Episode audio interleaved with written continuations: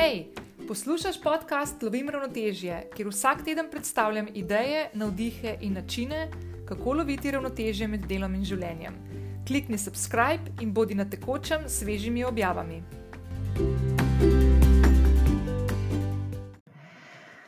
Danes bomo govorili o temi, o kateri jaz sicer načeloma zelo rada govorim, iz enega zelo, zelo enostavnega razloga. In to je, ker želim svojo zgodbo pokazati ostalim ženskam, predvsem tudi moškim, ampak predvsem ženskam, kako zelo je treba paziti na svoje zdravje in kako premalo smo osveščeni in se o določenih zdravstvenih težavah pogovarjamo.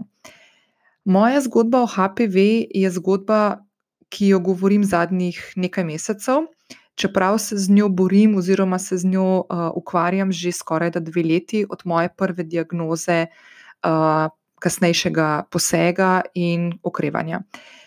Jaz sem se za zgodbo HPV-ja, oziroma za to, da delim to zgodbo s teboj, odločila res in izključno samo zaradi enega razloga. In to je, da skozi svojo zgodbo pokažem, s kakšnimi težavami, vprašanji, um, in nerazumevanjem se uh, sooča uh, posameznica v, pri nas v Sloveniji, ko naleti na diagnozo HPV-ja.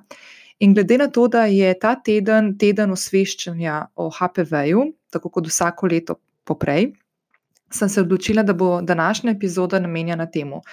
Zdaj, preden skočiva v epizodo, bi želela povedati še nekaj stvari. Prosim, da uh, imaš skozi v mislih, da jaz nisem zdravnica.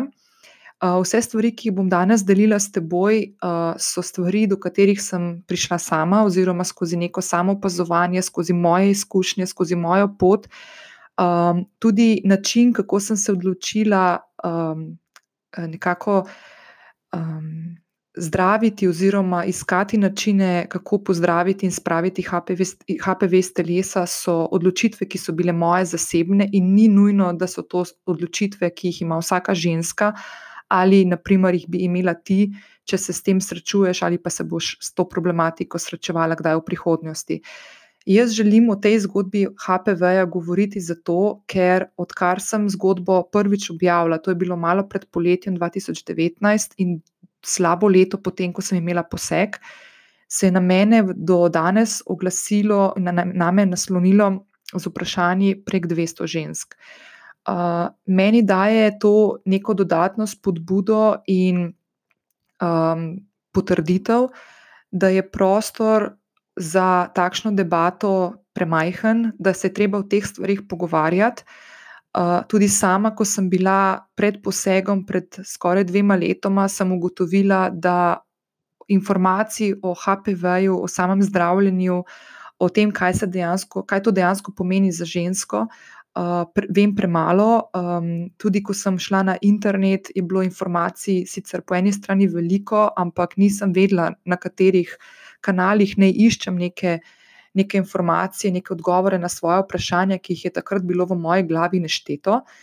In ko sem začela malo na glas svojim bližnjim govoriti o tem, kaj me čaka, uh, sem dobila od svojih prijateljic in tudi družinskih članic veliko uh, njihovih zgodb. In sem ugotovila, da je okoli mene ogromno žensk, ki se ukvarjajo, oziroma so imele v svoji preteklosti svojo izkušnjo s HPV in se o tem dejansko ne pogovarjamo. In ko sem sprožila tudi jaz to debato in skozi potem kasneje reakcije, ki sem jih jaz prejela v svoja uh, zasebna sporočila na družabnih omrežjih, na e-maile in tudi ena na ena v komunikaciji z ostalimi prijateljicami in znankami, sem ugotovila, da je prav, da se o teh stvarih pogovarjamo. HPV je zgodba, ki ni moja, uh, samo moja. HPV uh, S HPV-jem se srečuje približno 80 odstotkov spolno aktivne populacije. Uh, to je stvar, ki ni samo ženska, to je stvar, ki tudi sodi v, neko, v nek diskurs, uh, v katerega morajo vstopiti tudi moški. Uh, HPV um, je vsakodnevna borba veliko, veliko žensk, in še vedno je poznavanje te teme in uh, poznavanje nas, žensk, oziroma osveščenost nas kako lahko bdimo nad svojim zdravjem in imamo vsaj občutek malo večje kontrole nad svojimi telesi, še vedno premajhen. Tako da danes v današnji epizodi bom uh, najprej ti povedala svojo zgodbo o HPV-ju, kako se je začela, kako se je potem nadaljevala čez um, prvi poseg, okrevanje in potem ponovitev. Um, še, še enkrat, ko sem doživela uh, po enem letu po posegu informacijo, da imam še vedno HPV v telesu, in bila pozvana, da se še enkrat udeležim biopsije. In vse, kar se je zgodilo kasneje, ko sem se odločila, da se bom na pot um, odkrivanja HPV, razumevanja, kaj se dogaja z mojim telesom in kako lahko iščem načine, da poskrbim za to, da se te stvari, ki se mi dogajajo zadnje dve leti, ne bodo dogajale več naprej. Uh, to so stvari, ki bom danes delila s teboj. Še enkrat res opozarjam, da je to moja zgodba, uh, da so odločitve in razmišljanja, ki jih bom povedala, predvsem v drugem delu, ko bom govorila o tem, kako se v zadnjih mesecih ukvarjam in borim s HPV-jem, so stvari, ki sem se jih sama odločila in absolutno ne pomenijo svete resnice in pravil, ki naj bi si jih vsaka ženska držala. Kar bi želela uh, že takoj na začetku izpostaviti, in bom izpostavila tudi večkrat skozi to epizodo, pa je, da te prosim, prosim, da poskrbiš za to, da vsako leto hodiš na redne ginekološke preglede, uh, to je način, kako lahko bdiš skupaj s svojo zdravnico ali zdravnikom nad tem, kaj se dogaja v tvojem telesu. Um, vsakih, vsake tri leta imamo ženske v Sloveniji um, pregled uh, z odzemom brisa, ki ga pošljajo v analizo. Uh, ki je brezplačen, oziroma ga krije naše zdravstveno zavarovanje. Uh, Jaz ti svetujem, da hodiš vsako leto, uh, tiste dve leti vmes, plačaš samo plačniško, lahko pri svoji zdravnici ali zdravniku. Sta pregled z odzemom brisa stane 20 evrov. Uh, še to, da ti povem, da ta bris, ko ga pošljejo v analizo, ga ne pošljejo v analizo za HPV direktno, ampak je to tista standardna uh, oblika analize, pri kateri spremljajo, če so kakršne koli spremembe na tvojem vzorcu, ki lahko posledično pokažejo tudi, da mogoče so kakšne nepravilnosti in te potem dodatno pozovejo, da prideš še enkrat dodati vzorec, ki ga potem lahko eventualno pošljajo tudi na HPV analizo. Tako da, uh, ukolikor si se že srečala s HPV-jem, potem veš, da imaš te preglede rednejše. Uh, tudi tega se bom dotaknila v, v nadaljevanju te epizode in ti bom povedala, kako se jaz v tem trenutku s tem uh, ukvarjam, kaj, kaj, kje se nahajam v nekem svojem zdravljenju. In uh, še enkrat, uh, današnja epizoda je epizoda, oziroma vsebina, ki jo želim s tabo deliti danes, je vsebina, ki sem si jo jaz želela slišati pred skoraj dvema letoma, ko sem se prvič srečala uh, s tem, da v mojem telesu imam enega, uh, enega spremljevalca, za katerega prej nisem vedela, in to je bil spremljevalec HPV. Uh, tako da skočiva v današnjo epizodo in upam, da bom odgovorila mogoče tudi na kakšno vprašanje, predvsem, če se v tem trenutku uh, tudi ti ukvarjaš s tem, uh, ali pa če slučajno ravno čakaš na kakšno um, informacijo, si zadnjem, ker si bila na zadnjem obisku pri svoji ginekologinji ali ginekologu. Tako da skočiva v današnjo epizodo. Ok, zdaj jaz bi rada najprej povedala, da uh, kar se tiče rednih pregledov ginekoloških, sem jaz zelo pridna. Jaz sem od svojega 16. leta redno hodila na ginekološke preglede, uh, praktično vedno na vsako leto. Um, in tudi pri izbiri svojih partnerjev sem bila vedno precej, rečemo temu, previdna in um, skrbna. In do leta 2018 um, se dejansko nisem razlikovala veliko od poprečne ženske uh, in imela sem zelo, zelo, zelo malo informacij o HPV-ju. Vedela sem, da to obstaja. Uh, glede na to, da sem nekoliko um, starejša generacija, uh, sem kasneje, šele potem, ko sem že bila spolno aktivna, slišala za to, da se ponovim uh, zdaj ni več ponovem, ampak takrat je bilo ponovem punčke, preden pridejo v spolno aktivno fazo življenja, tudi cepi, zdaj se tudi fantke ponovem. Ampak jaz nisem bila ena od teh oseb, ker sem bila že takrat starejša. Tako da meni je bil takrat HPV, ko sem slišala za to, da me ginekologinja vabi na dodaten odvzem brisa, ker sumi, da je lahko v mojem telesu prisoten HPV. To je bilo nekje aprila 2018. Sem dobila občutek, da že dejansko živim na nekem Marsu. In meni je bila to tako zelo, zelo, zelo oddaljena um, zgodba, ni, bil, ni bilo del moje realnosti, mojega vsakdana. In takrat, ko sem dobila to informacijo, in kasneje tudi um, rezultat, da pač imam HPV v telesu, in sem bila pozvana, da pridem na biopsijo, kjer so mi odščipnili tkivo in ga poslali v analizo, da so preverili, če je ta virus že prešel tudi na tkivo. Sem hotela sem se nekako izogniti temu, da skačem po internetu in iščem razno razne informacije, zato ker se sama zelo dobro zavedam, da na internetu lahko zveš marsikaj in, in številne, številne napačne informacije in veliko tudi neumnih informacij. Um, in tako kot sem omenila na začetku, uh, sem zaradi tega um, se odločila in malo bolj spregovorila na glas s svojimi bližnjimi, od katerih sem dejansko takrat dobila konkretnejše informacije, kaj me čaka v nadaljevanju, okolikor bo se izkazalo, da bom potrebovala poseg. In večino informacij sem jaz dobila skozi uh, prijatelje oziroma družino, prijateljice in družino.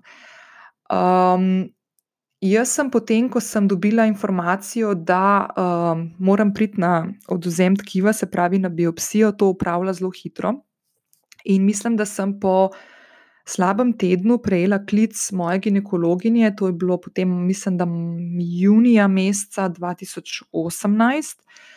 Uh, spomnim se, da sem bila na kosilu v eni restavraciji uh, v Ljubljani, bil je tak lep um, pozno junijski dan, sončen, poletni. Uh, sedela sem zunaj na sončku in dobila klic številke, ki je nisem imela shranjene. In na drugi strani je bila moja ginekologinja, ki mi je rekla, to je bil, bil je četrtek, to se spomnim, in mi je rekla, da je biopsija oziroma analiza uh, tkiva, ki so ga poslali v analizo, pokazala, da imam um, spremembe na tkivu, na celični uh, ravni. Uh, in da uh, se to lahko razvije v predrakave, da gre za neke predrakave celice. Takrat se je meni ustavilo, tako meni se je takrat ustavilo življenje dejansko. In uh, sem padla v tisto, v tisto um, mal tak paničen moment, ko, ko enostavno ne znaš splavati ven iz tega, da si slišal besedo predrak oziroma rak. Um, in um, jaz takrat iskreno sem obsedela na stolu. In vse, kar sem slišala od moje ginekologinje, je bilo, da lahko pridem že v ponedeljek, se pravi, štiri dni kasneje, v bolnišnico, v postojno na poseg, da se ta poseg opravi pod lokalno anestezijo, in da potem kakšen teden mi odsvetuje, da se kopam v morju, ker je bilo ravno poletje, ne, pač to padlo, pa nekako se upadalo s tem navodilom, in da mi odsvetuje spolne odnose. In jaz sem takoj rekla, da absolutno želim takoj v ponedeljek priti na, na, pre, na, na poseg, zato da to čim prej. Um, dam za sabo. Ona mi je celo svetov, da mi je rekla, da lahko pridem tudi septembra, da pač poletje preživim v nekem takem poletniškem vzdušju. Ampak sem rekla, ne, ne, ne, jaz absolutno želim že v ponedeljek priti do, do njih. Tako da sem se v ponedeljek zjutraj po njenih navodilih, uh, da ne pridem tešča v postojno, pripeljala do bolnišnice. Kjer sem uh, na vratih ambulante, ki je sprejemala ženske, ki so prišle na posege, dobila, mislim, da je bil tristranski obrazec, uh, ki sem ga mogla izpolniti, in na tretji strani tega obrazca sem imela tudi informacijo, da bo poseg, na katerega sem prišla danes, potekal pod splošno anestezijo. In takrat sem dobila občutek, da so meni dali napačne obrazce, zato sem potrkala na vrata in sem rekla sestri, da sem očitno dobila napačen obrazec, zato ker meni je zdravnica rekla pred štirimi dnevi, da bom imela operacijo pod lokalno anestezijo. In tukaj se je zgodil že prvi tak um, komunikacijski šum, uh, ko sem ugotovila, da dejansko operacija, ki jo sem jo imela jaz predvideno, uh, bo potekala pod splošno anestezijo. Kar, zakaj omenjam za to stvar? Je zato, ker te operacije s HPV-jem so lahko različne in zdravnik um, oceni na podlagi tega, um, kaj, kako obsežna je lahko ta operacija, oziroma tudi po starosti pacijentke in številnih, verjetno drugih karakteristikah, oceni, kakšen tip operacije je najbolj primeren za določeno pacijentko. In pri meni je bila to operacija lec z neko električno zanko, kjer se dejansko postrga tiste dele in predele maternice. Ničnega vratu, ki so um, obremenjeni že z nekimi predrakavimi celicami na tkivu. In uh, ker je bila operacija potem naknadno mi sporočena, da bo pod splošno anestezijo, sem si mogla jaz organizirati uh, popoldan, ker nisem se smela potem usesti v avto 24 ur po operaciji, zato sem mogla potem.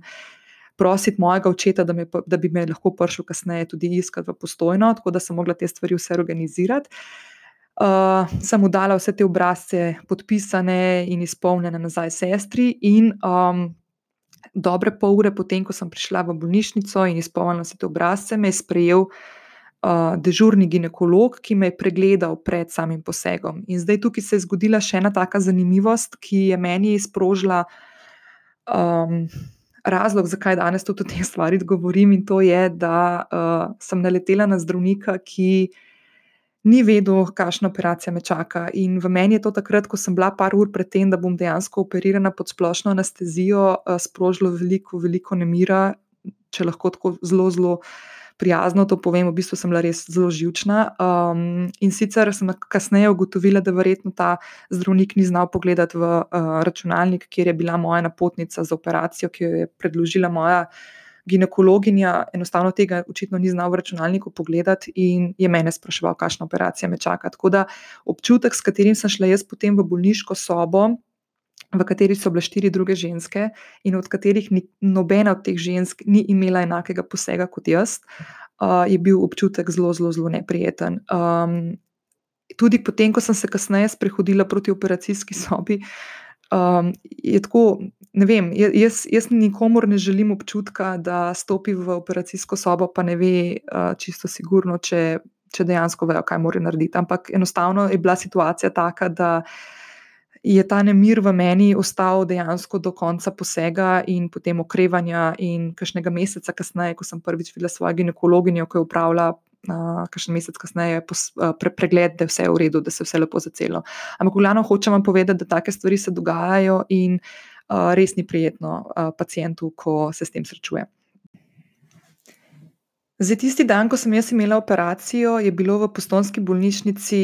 Poleg mene še devet žensk, ki so čakale na svoje posege. In nobena od njih, vsaj ne v tej, ki so bile v moji sobi, bilo nas je, mislim, da pet, uh, ni imela enake operacije kot jaz. Tako da je bilo vse to splošno vzdušje v moji glavi takrat precej, precej uh, tako drastično, bila sem zelo živčna. Uh, prvič v življenju sem se srečala um, s tistim občutkom, da sem vedno ful pametna, ko govorim nekomu, ko mi razlaga da pri svojem zdravniku ne dobi odgovora na vprašanja, in jaz sem bila vedno tako zelo pametna. Ja, pa moraš vprašati, moraš zahtevati, moraš to, to, to.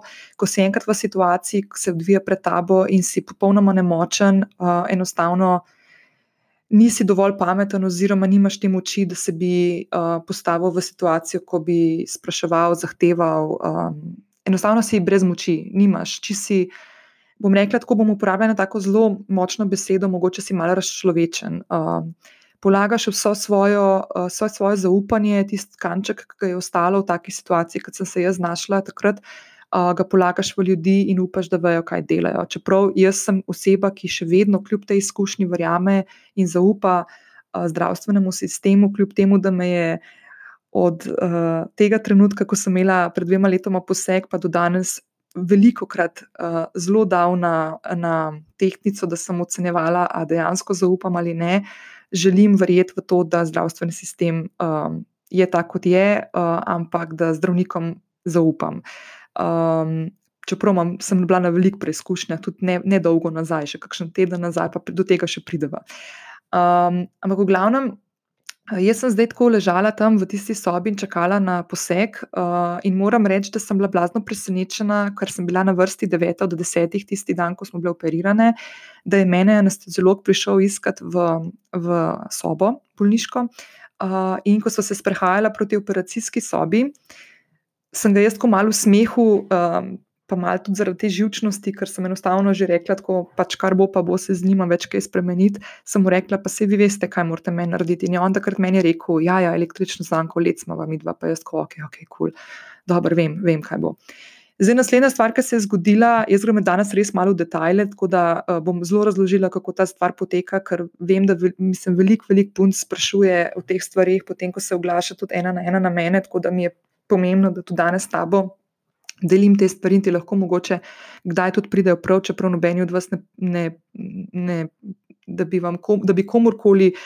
Uh, nekako se temu reče, kam sem besedo izgubila. Bi komorkoli uh, uh, želela, da gre čez tako izkušnjo, res upam, da ne, ampak glede na to, da je 80 odstotkov populacije um, se ima ta virus v sebi, velika večina ga da sicer ga, ga, ga preboli in ga spravi iz telesa, brez da bi se to zavedala, ampak marsikakšna od nas uh, se pa s tem zelo, zelo bori. Uh, se mi zdi pomembno, da tudi te stvari, pa te detajle omenim. Zdaj, ko sem jaz prišla v to operacijsko sobo, me je prva stvar, ki me je blazno presenetila, bila ta, da je bilo notri res veliko ljudi. In zdaj, uh, jaz sem bila na koncu zelo vesela, da sem uh, dobila splošno anestezijo. Uh, tega sem se zavedala šele zelo, zelo kasneje. Uh, uh, kakšno leto potem, ko sem prvič objavila svojo zgodbo in sem začela dobivati zgodbe drugih žensk, mojih sledilk, predvsem na Instagramu, ko so mi pisale svoje izkušnje in sem ugotovila, da moja zgodba je bila še med pozitivnejšimi, da je bilo ogromno, ogromno posegov narejenih uh, pod uh, lokalno anestezijo, uh, da veliko žensk je blazno trpelo tudi ob tem, kar so še vedno uh, čutile. Uh, Tako da sem na koncu uh, bila zelo vesela, da sem imela splošno anestezijo. Zdaj samega posega, več kot očitno, ker sem bila pod splošno anestezijo, se jaz ne spomnim. Jaz sem zaspala zelo hitro, potem, ko so mi dali uh, anestezijo, in mislim, da poseg je trajal nekih deset, slabih, dobrih deset minut. Uh, prvi spomini po upravljanju operacij uh, je bilo neko klicanje mojega imena in počasno prekucavanje z operacijske mize na posteljo. In že takoj potem so me um, odpeljali nazaj v sobo, v kateri sem um, počakala potem nekje ene dve uri, tri ure po zaključku operacije, da sem lahko potem šla domov. Zdaj, tukaj se je zgodil še en ful pomemben trenutek, ki je vplival potem kasneje na potek mojega okrevanja. In sicer Uh, slabo uro potem, ko sem bila operirana, je ena od sester stopila v sobo in vsaki od nas, ki smo bili tam, uh, v roke dala kuverto z odpustnico. In na tej odpustnici je bil poleg datuma naslednjega pregleda pri ginekologinji tudi napisan stavek, uh, katerega dne, ob kateri uri sem bila odpuščena iz bolnišnice z navodili za okrevanje. In ko sem jaz ob štirih popoldan zapustila bolnišnico, ker me je spredaj v avtu že čakal moj oče, uh, uh, ob, ob odhodu in do odhoda nisem srečala nikogar. Uh, jaz se malo zafrkavam, vedno, da bi lahko takrat iz bolnice nesla tudi pojslo sabo, pa noben tega ne bi opazil, ampak dejansko jaz nobenih navodil za okrevanje, ki, bi bili, ki so bile napisane na tistem listu, da ne bi jih dobila, nisem dobila.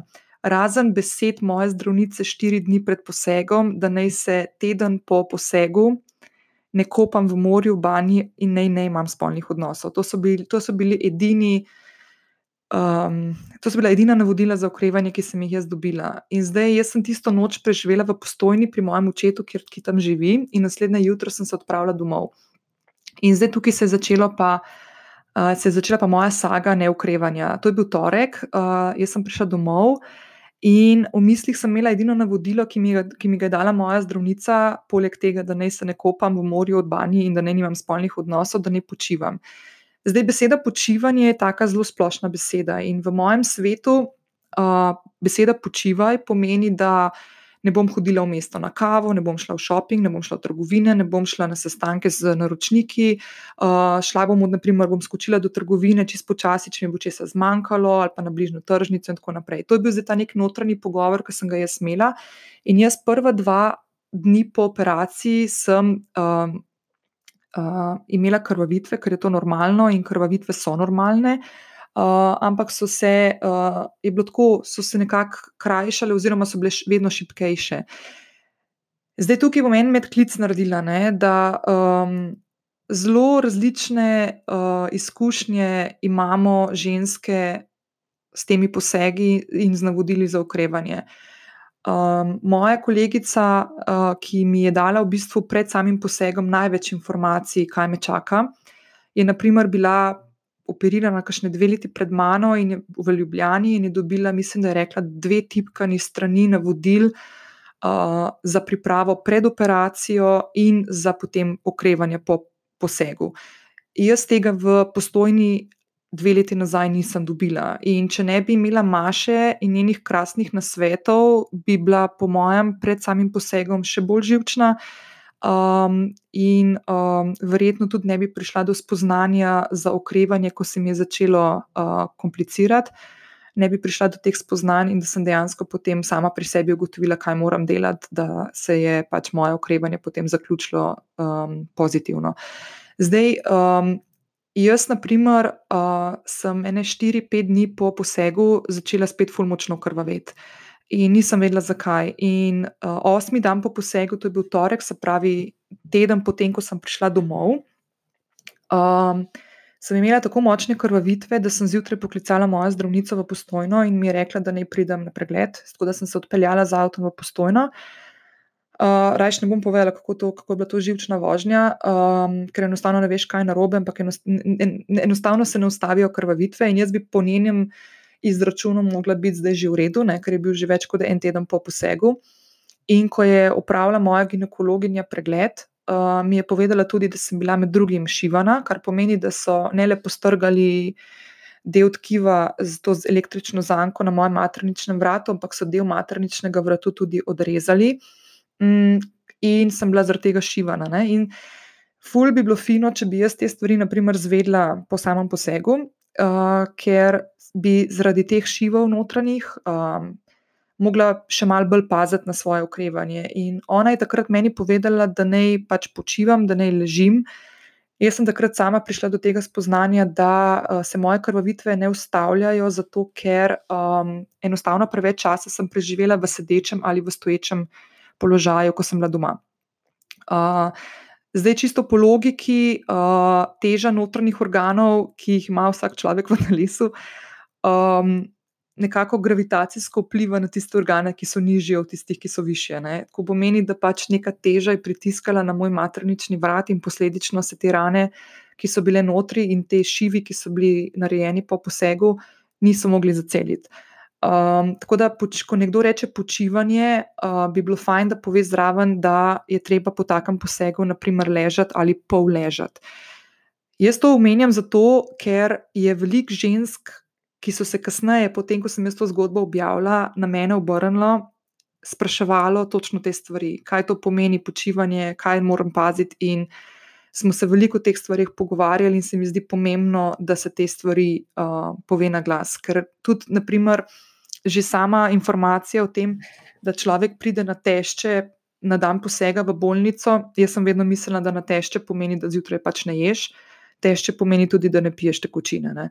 Uh, tako da so določene stvari, ki pač ljudje, ki nismo uh, v bolnicah vsakih nekaj let ali pa vsako leto in imamo posegov pod splošno anestezijo, enostavno tega ne vemo. Ni, ni, ni to neka taka stvar, ki jo vsak človek pozna. Um, tako da zdaj, uh, jaz sem potem, potem, ko sem šla iz postojne, se pravi, osmi dan po posegu z tega pregleda, sem dejansko potem naslednjih deset dni doma ležala in moje okrevanje je bilo verjetno bistveno daljše kot ukrevanje kakšne druge ženske, ki je to dala hitreje skozi, zato ker je imela navodila. Uh, tako da tukaj lahko še enkrat omenim, kako pomembno je, da uh, postaviš vprašanja, da uh, sprašuješ, da raziskuješ, da mogoče, če se boš kdaj srečala, pa spet ti ne želim, da se se lahko tudi na mene obrneš, kadarkoli mi pošleš e-mail ali pa mi pošleš zasebno sporočilo na Instagramu ali pa na Facebooku in ti z veseljem, če bom znala, tudi odgovorim skozi kakšno svoje izkušnje, poleg tega, kar danes tukaj govorim. Um, tako da uh, to je zdaj uh, naslednja stvar, ki se je zgodila, in jaz sem potem uh, bila še en mesec potem, bolj kot ne doma, sem se pazila, tudi nisem se neki kopala v morju, um, nisem imela spolnih odnosov. In avgusta meseca sem šla k svoji ginekologinji na pregled. Uh, in jaz sem takrat svoji ginekologinji tako na dolgo in široko povedala uh, mojo izkušnjo, ker se mi je zdelo prav, da ji sporočim, da pač način, kako sem bila obravnavana kot pacijentka v bolnišnici postojna, ni bil ok, ker nisem dobila občutka, da nisem imela občutka, da vejo, zakaj sem tja prišla na dan operacije, da je bila komunikacija, ki poteka tam med zdravstvenim osebjem in pacijenti, um, polna enih komunikacijskih šumov, ki pacijenta dejansko ne umirjajo, ampak dejansko ga delajo še bolj živčnega, kar v tistih trenutkih je to ena od stvari, ki jih resnično ne potrebuješ kot pacijent. Um, tako da smo se veliko o tem pogovarjali, jaz sem bila zelo, uh, zelo, zelo sem bila um, tako razdražena, moram reči, pa ne v tem nekem jeznem, smi, jeznem smislu. Meni se takrat, ko sem bila pri ginekologi in notri v, v, v njeni ordinaciji, po, pravi, dober mesec po posegu. Sem bila v bistvu tako žalostna, da so mi tekle solze po, po, po licih, ko sem se z njo pogovarjala in sem mi povedala, da enostavno ne morem razumeti, kako imam lahko jaz več navodil za moje naročnike, kako objavijo fotko na Instagramu, kot naprimer pacijent v tej bolnišnici, ki jih dobi za to, kako ne ukreva po nekem posegu, ki je bil pod splošno anestezijo. Um, meni se enostavno ne zdi normalno, da o teh, o teh stvarih ne znemo več. Uh, jaz sem bila v življenju pod, pod splošno anestezijo operirana predtem pred, pred še dvakrat, enkrat pri štirih letih in enkrat pri sedmih letih. Uh, ko sem bila operirana za HPV, sem bila stara 39 let. Tako da vmes je bilo uh, 30 let, ko jaz nisem imela nobene izkušnje s tem, kaj to pomeni, ko greš pod splošno anestezijo in kako se na to pripraviš, in kaj pomeni, ko nekaj ukrevaš, in tako naprej. Tako da enostavno se mi zdi, da pač uh, smo mal prepuščeni sami sebi, in meni se to ni zdelo prav, in sem zaradi tega te stvari tudi takrat na glas povedala. In um, mi dve z ginekologinjo dva bili potem zmenjeni da se vidiva spet februarja, se pravi pol leta potem, ko uh, smo se videli um, po posegu, se pravi en mesec po posegu, smo se dobili in naredili um, preglede, da je vse zaceljeno, da je vse ok, in potem smo se dobili spet šest mesecev po posegu, to je bilo februarja lansko leto. In kakšen teden potem, ko je v slovenskem medijskem prostoru potekala, um, kot ta teden, kampanja osveščenosti o HPV-ju. Jaz sem lani v svoji pisarni m, poslušala Val 202, ravno v tem tednu, ko se je pogovarjalo o HPV-ju, in sem med drugim slišala tudi podatek o tem, da v Sloveniji se ponuja in je omogočeno tudi cepljenje za odrasle ženske, kot sem jaz, se pravi, ne samo za punčke, preden so spolno aktivne, ampak tudi za ženske do, mislim, da je bilo 45. leta starosti, ne me za besede držati, ampak to zdaj po spominu govorim. Uh, ki so že prestale poseg, kot sem ga jaz, se pravi, da so že bile operirane zaradi HPV-ja. Um, zdaj, jaz uh, konkretno ne bi se tukaj rada spuščala v to, ali uh, podpiram cepljenje ali ne. Jaz mislim, da je to stvar, ki se mora vsaka ženska uh, odločiti zase. Uh, je pa to spet ena od tistih stvari, ki bi si jih jaz želela slišati od svoje zdravnice, ne da jih slišim na radijski oddaji. In uh, ko sem jaz prišla na pregled k svoji zdravnici, sem ji to povedala, sem dobila nazaj informacijo, da da je uh, cepljenje s HPV-jem še tako uh, v povojih, da enostavno ne vejo, če dejansko s tem cepljenjem lahko res preprečiš, da se ti HPV začne ponavljati. Zdaj, jaz bom še eno stvar tukaj povedala. Ne? Jaz sem do tistega trenutka um, razumela, da ko enkrat daš tak poseg čez, kot sem ga dala jaz, je zgodba praktično zaključena. Pa se to zdaj lahko sliši zelo butasto. Uh, Um, ampak nisem imela nobenega podatka, da, in tudi nisem šla naprej raziskovati, ker za mene je bil takrat dan del in sem se pač probala to spraviti iz glave. Um, jaz nisem vedela, da se naprimer, po posegu 10 do 20 odstotkom žensk lahko HPV zgodba ponovi. In to se je zgodilo meni. Jaz sem septembra lani, uh, se pravi dobro leto po posegu, šla prvič tudi na oduzem vzorcev za analizo HPV-ja. In sem po dveh tednih, potem ko sem bila pri, pri svoji zdravnici, dobila informacijo, da imam HPV še vedno prisoten, še vedno ali pa spet prisoten v telesu, in sem bila ponovno pozvana na uh, biopsijo. To je bilo septembra 2019, se pravi 4-5 mesecev nazaj. Jaz povem po pravici, da sem takrat doživela en tak mal, mali uh, posttraumatski sindrom. Uh, jaz sem tisti dan zbolela in en teden preležala v posli, zdaj ne vem, če je to čist. Uh, bilo povezano, ampak enostavno sem se sesedla, ker um, je to ena od stvari, ki je res nisem hotela še enkrat ponoviti in doživeti. In uh, jaz sem dober teden potem, ko sem zvedela za to, da moram priti spet na biopsijo, uh, prišla do svoje zdravnice v postojno, ki je upravljala uh, biopsijo. Moram reči, da je bila bistveno bolj. Um, uh, težka za mene, uh, bilo mi je blazno neprijetno v primerjavi s prvič, ko sem bila tam, ko praktično nisem nič čutila. In tudi okrevanje pri, pri biopsiji, sem imela lansko leto skoraj dolgo, skoraj en teden. Jaz sem en teden krvavela, tako da sem mogla ležati. In kar naprimer, prvič, ko sem imela, je bilo v dveh urah ok. Tako da so tudi te zgodbe zelo različne, oziroma tudi v, verjetno v katerem trenutku se spraviš v tako situacijo, da greš na eno tako zadevo je lahko enkrat hiter, enkrat pa pač ti vzame dalj časa.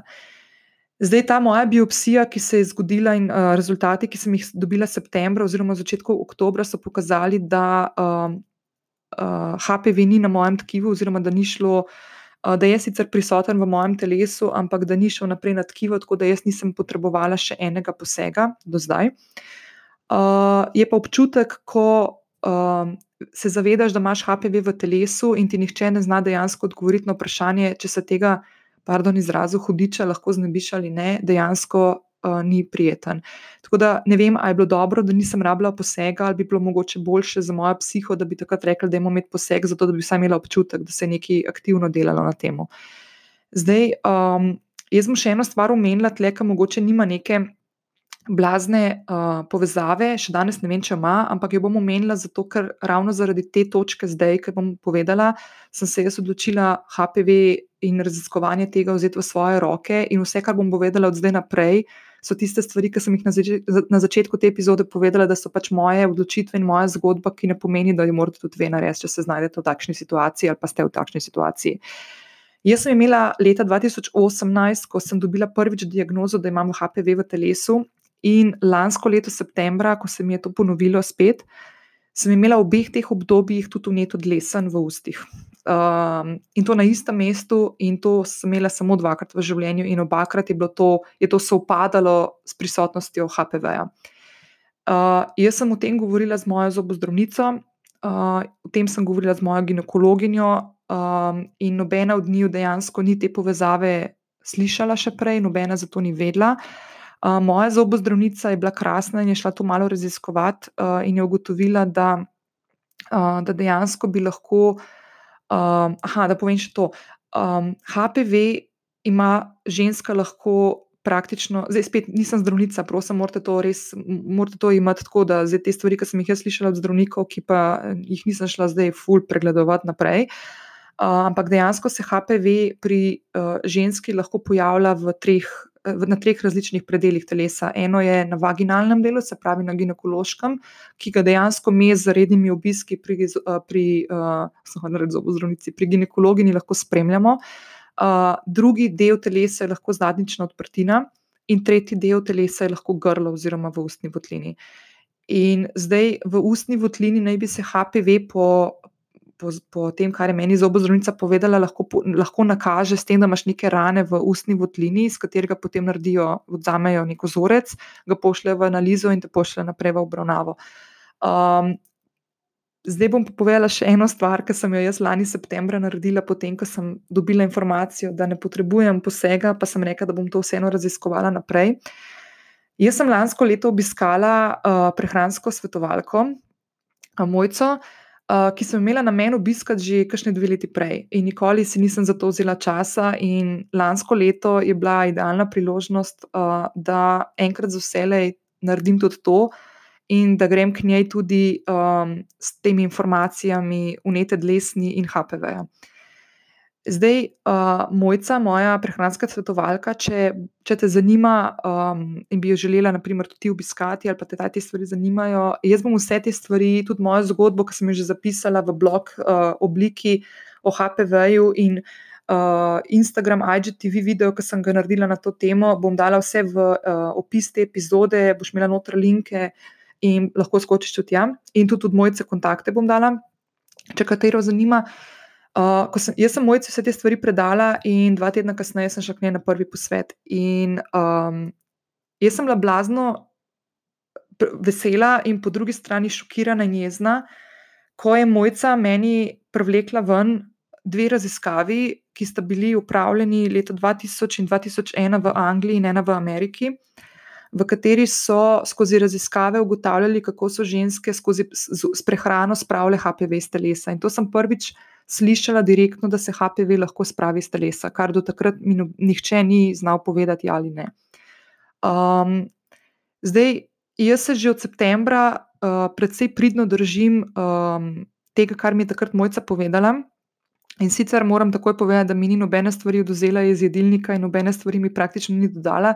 Stvar, ki jo mi jo je predstavila, je, katero zelenjavo naj uživam, zato ker se je izkazala po teh raziskavah, da je pripomogla um, k temu, da so ženske spravile HPV iz telesa in to govorimo o zelenolistnati zelenjavi, o radiču, o, o naprimer ohrovtih, vseh vrst, kodrolistnatem brstičnem, o perju korenja, o perju brokolija, veliko brokolija, tudi cvetače, potem naprimer zanimivo zeleni čaj, tako da jaz um, sem po mojem kakšen teden prej sem šla prvič k mojci nehala kavo piti in šla nazaj na mačo, ki je tudi zeleni čaj.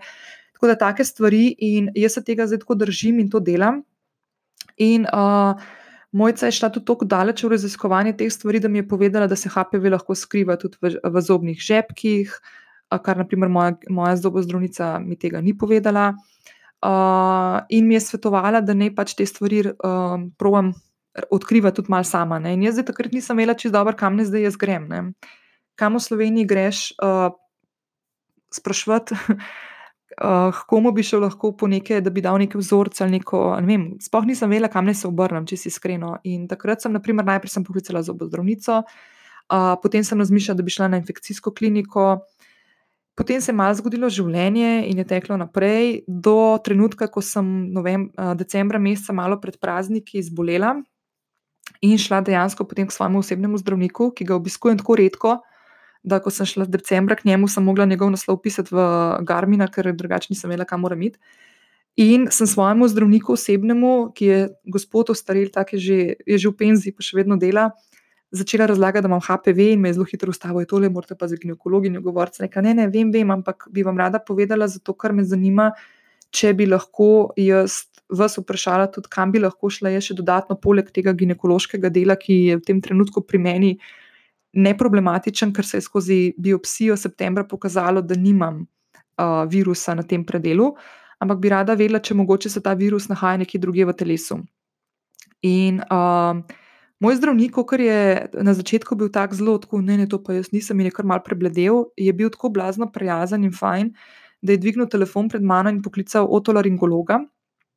Uh, in sem jaz En teden kasneje, bila na pregledu 23. decembra, malo pred Božičem, sem bila pri, na pregledu pri otolaringologu tukaj v Ljubljani, ki uh, me je sprejel, zato ker je rekel, da enostavno si ne more predstavljati, da, je, da sem lahko tako živčna in da bi rad pogledal z mano stvari, da bom lahko v praznike stopila bolj umirjeno.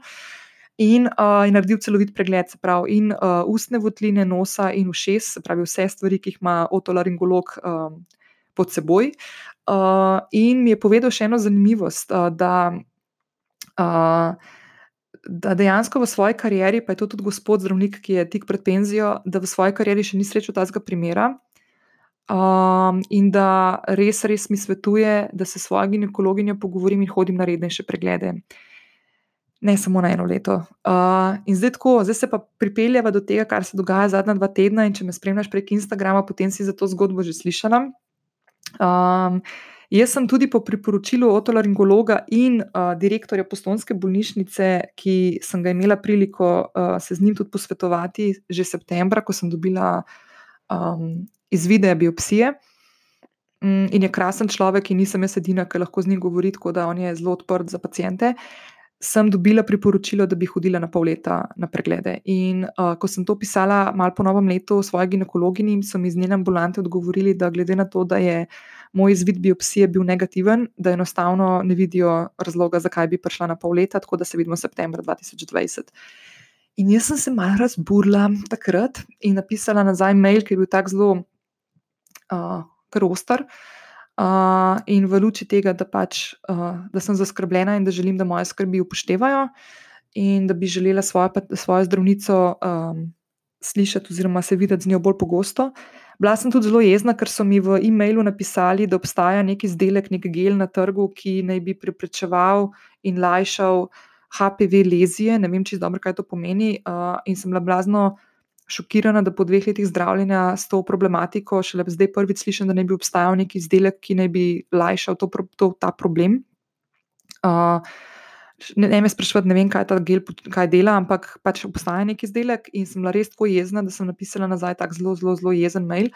In uh, prejšnji teden uh, sem šla tudi na še enkrat na posvet k direktorju splošne bolnišnice Postojna, s katerim sem imela zelo, zelo, zelo prijeten pogovor, kakšnih 20 minut in ugotovila zelo pomembno stvar, oziroma dobila sem odgovor na vprašanje številka ena, in to je, ali se HPV-ja lahko znebiš, ga spraviš iz telesa. In uh, dr. Merlo je meni prejšnji teden povedal, da ja, uh, da mora telo razviti dovolj močna proti telesa, da se proti temu bori, in da je blazno, blazno pomembno, da skrbimo za krepitev imunskega sistema.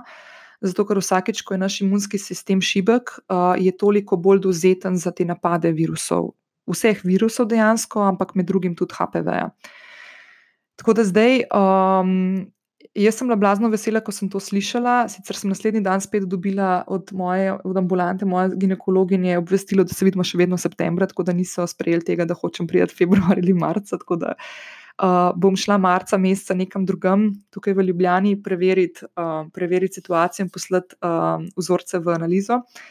Uh, mislim, da to stane 30 evrov in mi je to bistveno bolj pomembno, da se tukaj zdaj le kregam naprej z, z ambulanto svoje ginekologinje. Uh, tako da ja.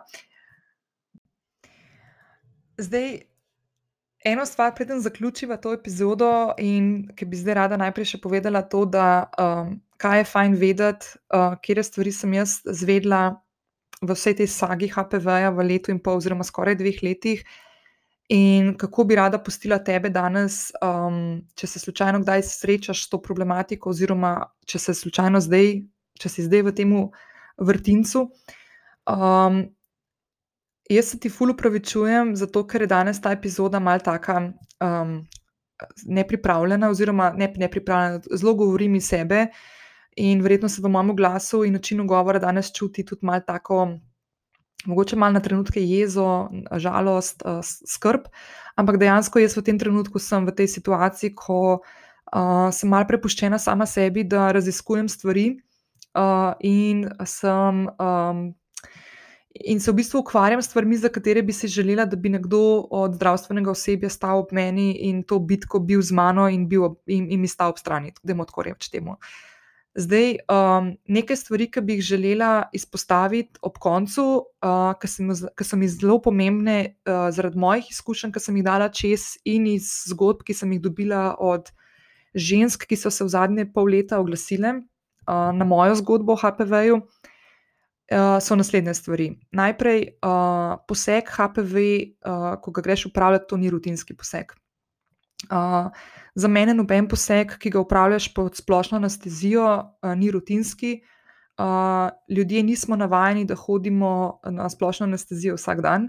Moramo se zavedati, da zdravniki te stvari upravljajo vsak dan, več takih operacij na dan, in da jim to dejansko predstavlja neko rutino, kar je super. Ampak to ne pomeni, da je to rutina za pacijenta. In stvar, ki jo jaz pogrešam pri uh, obravnavi pacijenta v zdravstvenem sistemu pri nas, je, uh, da se ne znajo, zdravstveno osebje se ne zna postaviti v naše, naše čevlje. Uh, jaz nikoli prej nisem imela takšnega posega, ne vem, kaj me čaka, ne vem, kakšno je ukrevanje, ne vem, kaj moram paziti pri ukrevanju. Moj življenjski stil je drugačen kot, naprimer, življenjski stil kakšne druge pacijentke, zato bi mogoče bilo fino, da povejo, kaj pomeni beseda počivanje po okrevanju, pa, pa, pa znotraj okre, okre, okrevanja.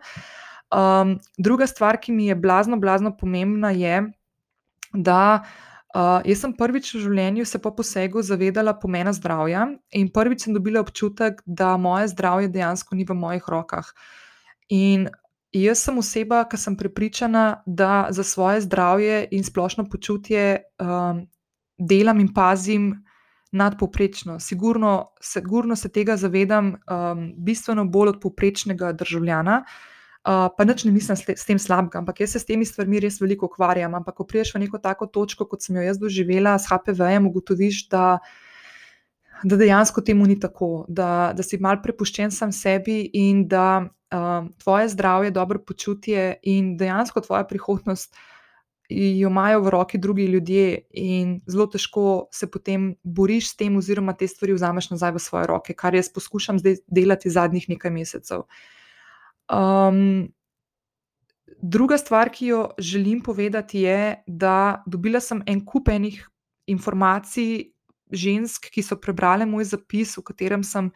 Nešteto, neštetokrat rekla, da hodite na vsakoletne preglede, da jih zahtevajte, uh, jaz sem dobila sporočila od žensk, ki so povedali, da pri njihovih zdravnicah, ginekologinjah, ginekologih tega ni možno narediti. Vsak, Vsaka ima pravico pri svojem ginekologu zahtevati samo plačniški pregled in od vsem brisa. Uh, spet, to je tisti navadni bris, to ni bris, ki ga pošljajo za HPV, če tega nisi prej že imela v življenju. Ni nujno, da je vsak, vsa, da, ni potrebno, da gre vsaka ženska pošiljati brise za HPV, ker ni nujno, da ga imaš. Ampak, če si se s tem srečala že v preteklosti, je fino, da to delaš skozi.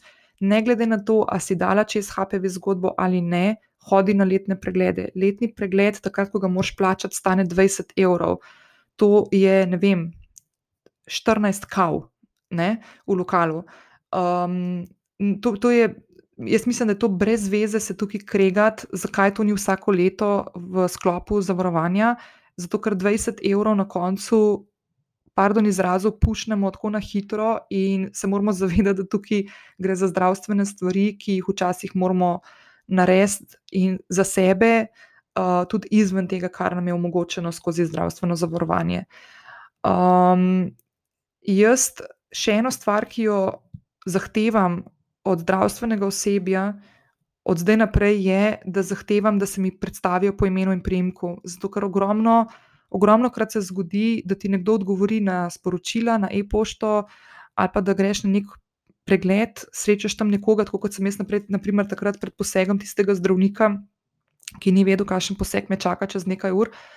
Jaz ne vem, kdo je ta človek, ne gre za to, da bi se nekaj obtoževalo ali kakorkoli, ampak dosti krat dobimo neke informacije od nekega zdravstvenega osebja in potem to povemo drugič, ko se srečamo z naprimer, svojo zdravnico ali pa z drugimi zdravstvenimi delavci v isti ustanovi in ti rečejo, kdo vam je to rekel. Ja, ne vem, kdo mi je to rekel. Tako da zahtevaj vedno, da se ti predstavijo. Ljudje imamo imena in priimke z razlogom. Uh, tako da Um, druga stvar je, najdi si neko podporno skupino ljudi, ki imajo informacije z prve roke. Uh, poskušaj se ne predati um, internetu. Uh, še enkrat, kadarkoli se lahko oglasiš uh, in tudi pri meni in me pocukaš za rokav, lahko mi pišeš na helloafnaninaspari.com, lahko se mi oglasiš na, zas, na zasebna sporočila uh, na Facebooku ali na Instagramu.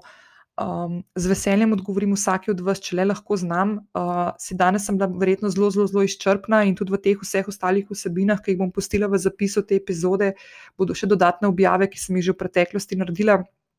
Mogoče še kakšno stvar, ki sem danes pozabila v tem uh, duhu tega, ker sem zelo nemirna, zdaj le, to govorim tukaj v mikrofon, uh, ker mi nekako hodijo nazaj te, te izkušnje, ki sem jih imela skozi to HPV zgodbo in res niso prijetne. Uh, ampak v glavnem, uh, najdi, govori o teh stvarih. Če se znajdeš uh, v HPV vrvežu, povej to na glas, ker boš res presenečen, koliko žensk okrog tebe je, ki imajo podobno zgodbo. Um, pogovarjaj se o teh stvarih, naj ti ne bo nerodno. Uh, HPV je zgodba, ki, uh, s katero se srečuje uh, 80 odstotkov ljudi, uh, spolno aktivnih ljudi. Uh, jaz bom zdaj povedala še, še eno stvar, ki, um, ki je blazno, blazno žalostna. In sicer po podatkih, ki sem jih našla na uh, portalu, ga, s katerim upravlja Zora, to je uh, društvo, ki uh, bdi nad, uh, tudi nad HPV problematiko, je, da v zadnjih letih v Sloveniji za rakom na materničnem vratu, ki je lahko posledica nezdravljenja HPV-ja, uh, Vsako leto zboli okoli 120 žensk eh, in od tega jih okoli 40 do 50 tudi umre. Zdaj, da te, da te malo umirim, um, jaz sem prejšnji teden, ko sem govorila z dr. Merlom, uh, direktorjem bolnišnice v Postojni in verjetno največjim strokovnjakom za ginekologijo v Sloveniji, zvedla eno tako res, res fino informacijo in sicer, da je on v svoji karieri srečal samo en primer ženske, je, kjer se je dejansko. Um, rapidno slabšala situacija, ko je bila diagnosticirana s HPV-jem. Stvari drugače potekajo zelo počasi, kar ne pomeni, da ne hodite na vsako leto na preglede. Še enkrat, res hodite na preglede in jih zahtevajte in jih plačajte 40 evrov v dveh letih, res vsaka si, po mojem, to lahko privošči. In res velika verjetnost je tudi, da si mogoče kdaj že HPV imela, pa tega niti ne veš, ker si ga spravlja iz telesa. Uh, in še zadnja stvar, HPV je spolno prenosljiva bolezen, ki se prenaša samo s spolnimi odnosi. Um, po nekih podatkih um, je način, kako to preprečuješ, uporaba kondoma. Uh, zdaj kažejo tudi neke zgodbe in, in neke, uh, neke študije, da lahko pride tudi ob stiku koža na koža, kjer kar pomeni, da se lahko to prenaša tudi, če uporabljaš kondom, ampak ne glede na to, še vedno je priporočljivo in ja, zaželeno in nujno, da se pač um, uporablja to zaščito. Ampak uh, to, da bi naprimer HPV lahko dobila, če bi se usedla na vece školko ali pa šla v terme, plavati v bazen. Uh, uh, kar sem tudi slišala že v življenju, dejansko ne drži. Uh, tako da gre za spolno prenosljivo bolezen, prenašalci so moški. Uh, v zadnjem obdobju tudi v Sloveniji cepijo tudi fantke, kar se mi zdi krasno, zato ker res, res, res bi želela, da se zavedamo, da HPV ni zgodba, ki je omejena samo na ženske. Ženske smo tiste, ki nažalost uh, se s tem ukvarjamo in imamo uh, um, težke, težke preizkušnje, s katerimi se spopadamo, če, pa, če pa se nam zgodi, da imamo diagnozo HPV. Uh, moškim je tukaj veliko stvari prihranjenih, kar pa ne pomeni, da te zgodbe ne, ne slišijo tudi moški, da bodo pri tem, ko bodo um, uh, imeli spolne odnose z ženskami. Uh, ali pa moškimi, konc koncev, tudi, da bodo bili um, dovzetni za te informacije in da bodo tudi sami želeli uporabljati zaščito. Ok, zdaj, preden zaključiva, ta teden je zelo velika verjetnost, da si v slovenskem medijskem prostoru slišala uh, kakšno objavo na tematiko HPV-ja. Če ne, si slišala mojo zgodbo. Uh, še enkrat, jaz to zgodbo delim predvsem zaradi tega, ker bi želela povedati svojo izkušnjo s tem, uh, povedati stvari, s katerimi sem se jaz soočila, in jih potem odkrivala, in mogoče kakšni od vas s tem pomagala. Uh, jaz svoje zgodbe ne delim zato, da bi um, pljuvala čez zdravstveni sistem, ker to ni moja naloga in vloga, in tudi ne želim v take zgodbe past. Uh, vse stvari, ki sem jih danes povedala, ki so povezane z zdravstvenim sistemom in problematiko komunikacije, ki sem imela z zdravstvenim osebjem skozi to mojo zgodbo, gre bolj za to, da želim uh, pokazati, da. Um, kako pomembno je, da se postavimo za sebe, da sprašujemo, da zahtevamo uh, podatke, da zahtevamo, da se um, z nami res, da, da nas resno jemljajo, da nismo številke, da nismo še en primer HPV-ja. Uh, stvari, ki se dogajajo na tem področju, uh, vsaki ženski ali pa vsakmu pacijentu na katerem koli področju, je, da to se nam, nam dogaja verjetno enkrat v življenju in nismo v tem izšolani in uh, čustveno ne povezani s to zadevo, ki se nam dogaja, tako da je treba te stvari bolj empatično doživljati. Um, absolutno ne želim tukaj biti pametna, uh, še enkrat nisem zdravnica, um, verjetno imam ogromno enih stvari, ki jih še vedno ne vem v HPV-ju, uh, ker jih še vedno raziskujem, in uh, po eni strani jih niti ne bi rada preveč vedela, ker bi se rada tega končno enkrat znebila in ne več razmišljala o tem. Ampak dejansko je uh, stvar, ki sem jo pri sebi uh, opazila, ta, da uh, premalo vemo o HPV-ju, kljub temu, da imamo cel teden osveščanja o tej problematiki. Uh, tega ne poslušamo, dokler se to ne zgodi nam, kar je po eni strani človeško. Uh, druga stvar, ki, je, ki sem jo spoznala skozi to, in bom spet omenila, čeprav se ponavljam, je, da hočete narediti preglede vsako leto. Uh, in tretja stvar, ki je, bote zaščitene, bote um, pametne pri izbiri uh, spolnih partnerjev, pri zaščiti. Uh, in uh, ko se vam enkrat slučajno, upam, da ne zgodi HPV zgodba, sprašujte in se pogovarjajte na glas s svojimi najbližjimi prijatelji, družinskimi člani, zato ker med njimi so sigurno osebe, ki so že dale to zgodbo čez in vam lahko iz prve roke povejo uh, kakšen podatek ali pa kakšno izkušnjo, ki vam bo pomagala pri tem, ko se boste same podajali na to pot. Nobena stvar ni katastrofična, nobena stvar ni slaba, vse stvari se na tem področju um, zelo lepo lahko sanira. Um, in bi rada tudi v takem duhu vas pustila danes tukaj. Uh, še enkrat, to je moja zgodba. Jaz upam, da sem danes povedala in bila jasna, malo sem skakala sem pa tja v mislih, zato ker um, malo podoživljam te stvari še enkrat, vsakič znova, ko se o teh stvarih pogovarjam. Um, in um, mogoče ta epizoda malo pada, pa seka ven in ni tak, tako zbrana kot kakšna prejšnja, ampak ne glede na to. Jaz sem dejansko za danes imela pripravljeno eno drugo epizodo, ki jo bom objavila naslednji teden in se bo dotikala mojega dela, uh, po katerem me veliko sprašujete. Ampak glede na to, da je ta teden uh, vsa pozornost namenjena HPV-ju in ker imam jaz tukaj veliko zapovedati, sem se odločila, da bom ta teden delila s tabo in z vami uh, svojo HPV zgodbo in upam, da vam bo to prišlo kdaj prav. Če se boste v tem znašli, vam pa želim, da se ne. Tako da, hvala, lepo se majte in lep, lep vikend vam želim. Čau, čau! Prišli smo do konca današnje epizode podcasta Lovim ravnotežje. Slediš mi lahko tudi prek Instagrama, Facebooka in Twitterja, kjer me najdeš pod Nina Gaspari. Spletne zapise najdeš tudi na strani ninagaspari.com, kjer se lahko prijaviš na e-novičke, prek katerih pošiljam dodatne vsebine v tvoj e-nabiralnik. Če na iTunes še nisi stisnila subscribe, to lahko narediš zdaj. Tako boš vedno ujela svežo epizodo. Hvaležna bom tudi za tvojo oceno in mnenje tega podcasta, ki ga lahko daš ob prijavi in s tem pomagaš, da ta podcast sliši še več poslušalk. Se slišiva prihodnji teden, ko bova spet lovili ravnotežje. Hvala za poslušanje, želim ti krasen dan.